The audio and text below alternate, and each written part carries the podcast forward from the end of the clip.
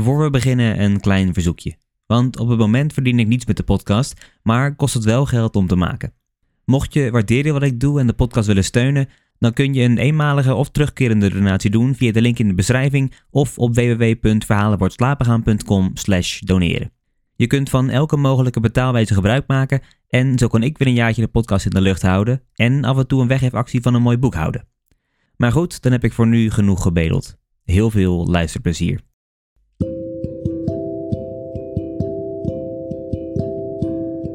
Hallo allemaal en welkom. Mijn naam is Mike en in deze aflevering lees ik een verhaal voor het eigen doos. Dit is Verhalen voor het slapen gaan.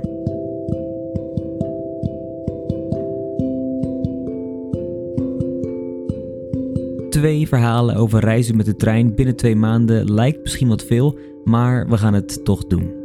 Het verhaal in aflevering 95 ging over een jongen die de tijd van zijn reis probeert te overbruggen.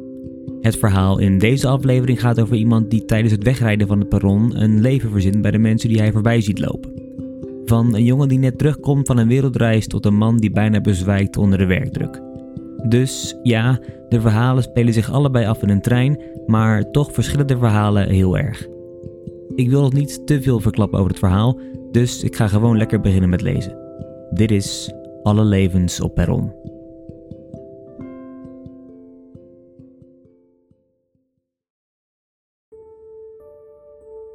Alle levens op perron.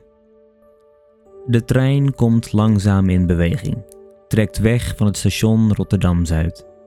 Ik zit met een koptelefoon op mijn hoofd en mijn tas tussen mijn benen en kijk naar de mensen die net zijn uitgestapt en nu op het perron richting de poortjes lopen. Hoofden omlaag, voetje voor voetje op weg naar hun bestemming. Kijk, daar loopt een jongen met een enorme tas op zijn rug. Zijn haren zijn vettig en reiken tot net over zijn schouders. Hij heeft een warrige, wiezige baard waar stugge haren uitsteken, die verraadt dat hij net terug is van een lange reis naar Nepal of Argentinië. Daar heeft hij liefde gezocht en zichzelf gevonden. Hij heeft paden bewandeld, bergen beklommen. Hij heeft een paar woorden en zinnen geleerd van een taal die hij nooit van zijn leven meer zal spreken, alleen wanneer hij anderen vertelt over deze reis. Ze zullen aan zijn lippen hangen, omdat ze zelf nooit de moed of het geld hebben gehad om deze reis te maken. De jongen heeft cultuur gesnoven. Hij was geen toerist, maar een reiziger, ging op in het leven van de locals. Hij sliep niet in hostels, maar maakte er een uitdaging van om simpelweg bij huizen aan te kloppen met de vraag of ze nog een plekje voor hem over hadden. In de ruil daarvoor zou hij helpen met het huishouden. Next level heitje voor karweitje. Lastig was het wel, maar zo heeft hij zich in ieder geval onder kunnen dompelen in het Nepalese leven. Nu is de jongen op weg naar huis. Over iets meer dan een half uur zal hij aanbellen, zal zijn moeder open doen en hem omhelzen.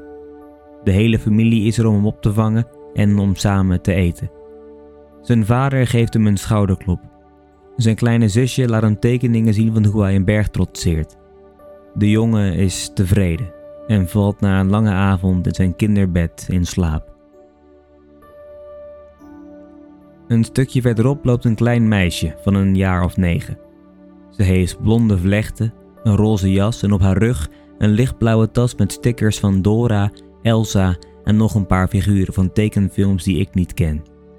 Ik zie haar vaker in deze trein, op dit perron, en ik denk dat ze net terugkomt van school. Daar heeft ze rekenen gehad en taal. Daar heeft ze met haar vrienden en vriendinnetjes in de pauze tikkertje gespeeld, waarbij ze hem drie keer was en drie keer geprobeerd heeft de jongen te tikken op wie ze stiekem een oogje heeft, waarvan het maar één keer lukte. De juf weet het dus probeert ze hen waar het kan in hetzelfde groepje te zetten, maar hij is bijna alleen maar met andere dingen bezig. Met zijn vrienden bijvoorbeeld, of met wie er dit jaar kampioen van de Eredivisie gaat worden. Vandaag hebben ze tijdens het tikkertje spelen gelukkig wel samen gelachen, dus heeft ze het gevoel dat er nog hoop is. Wanneer ze na zo'n lange dag weer met de trein terug naar huis gaat, is ze uitgeput. Haar moeder zit thuis op haar te wachten. Elke dag weer is het spannend is ze opgelucht als ze de achterdeur open hoort gaan. Ze heeft lang met haar man gediscussieerd of het verantwoord was om een kleine dochtertje aan de grote wereld over te laten, maar uiteindelijk besloten ze van wel. Ze hebben de nodige voorzorgsmaatregelen genomen. Een telefoon met de eis dat haar locatie ten aller tijde met hen gedeeld moet worden. Het meisje stemde in. Ze was al lang blij dat ze een telefoon kreeg. En nu loopt ze dus met opgeven hoofd het perron af. Weer een dag overleefd en op naar de volgende. Helemaal achteraan slentert een man in een zwart pak. Aan zijn heup bungelt een leren schoudertas die, als ik er zo naar kijk, al zo'n 20 jaar meegaat. Het leer is vervaagd en bekrast en de ritsen hebben een roestige uitstraling. Leeftijd geeft een leren tas karakter, zeggen ze. De man staart glazig naar de grond terwijl hij loopt, alsof zijn gedachten door een ander universum zweven dan zijn lichaam. Onder zijn ogen hangen diepe wallen. Het was een zware dag vandaag op kantoor. Het bedrijf waar hij werkt, een financieel adviesbureau, gaat door zware tijden heen. En vandaag heeft hij voor de zoveelste keer een rapport niet op tijd afgekregen. Zijn baas was hem na de lunch opkomen zoeken om hem te vertellen dat het niet zo verder kon. Dat hij nog één kans zou krijgen. Het is echt niet dat hij niet zijn best doet. Er is simpelweg te veel werk dat hij in te weinig uren moet proppen. Dus komt er onder de streep uiteindelijk minder af en loopt het bedrijf nog verder achteruit en moeten ze nog meer mensen ontslaan om te bezuinigen en de verliezen op te vangen. Het is niet alleen de werkdruk, ook thuis rekenen ze op hem.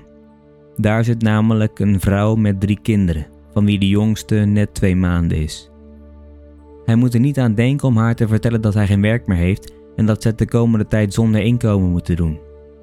Ja, ze hebben een kleine reserve, maar uiteindelijk zou hij er niet aan ontkomen om bij zijn ouders aan te kloppen, of bij zijn broer, die een hoge positie heeft bij een van de multinational. Hij zou genoegen moeten nemen met baantjes die hij had afgezworen, om de werkloze tijd te overbruggen. Maar goed, zover is het nog niet. Eerst van dit perron af. Naar huis. Naar vrouw en kinderen. Een kus en een knuffel, misschien een filmpje en dan naar bed. Morgen weer een dag. Terwijl ik dit alles schrijf, is de tijd natuurlijk alweer verstreken. Zijn de mensen die ik in mijn gedachten voor me zie al lang uit mijn gezichtsveld verdwenen en misschien zelfs ook al thuis. Nu ik erover nadenk, kan ik uiteraard nooit met zekerheid zeggen of ik gelijk had. Of de levens zoals ik net geschetst heb daadwerkelijk zou zijn. Of dat uitmaakt, durf ik niet te zeggen. Maar ik denk het niet. De mensen lopen ergens, of zitten, liggen, praten. Ze ademen. Ze leven ergens op deze planeet. Dat is alles wat ik weet. En dat is prima zo.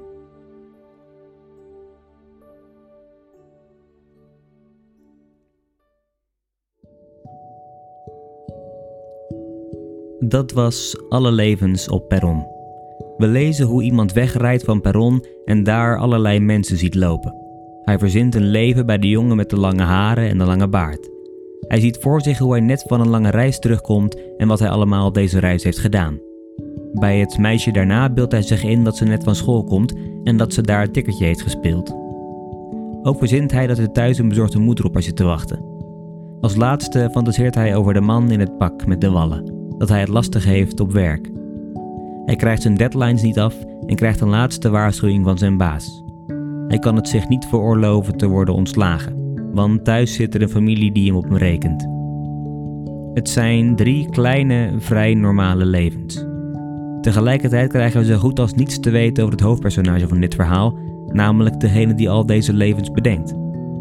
Aan het eind geeft hij toe dat hij deze mensen natuurlijk niet kent en nooit zeker kan weten dat deze levens zijn zoals hij ze bedacht had.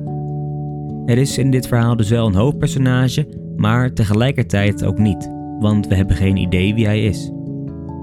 Ik denk dat mensen soms de neiging hebben zichzelf iets te veel als hoofdpersoon van het leven te zien en daarbij de personages om hen heen vergeten.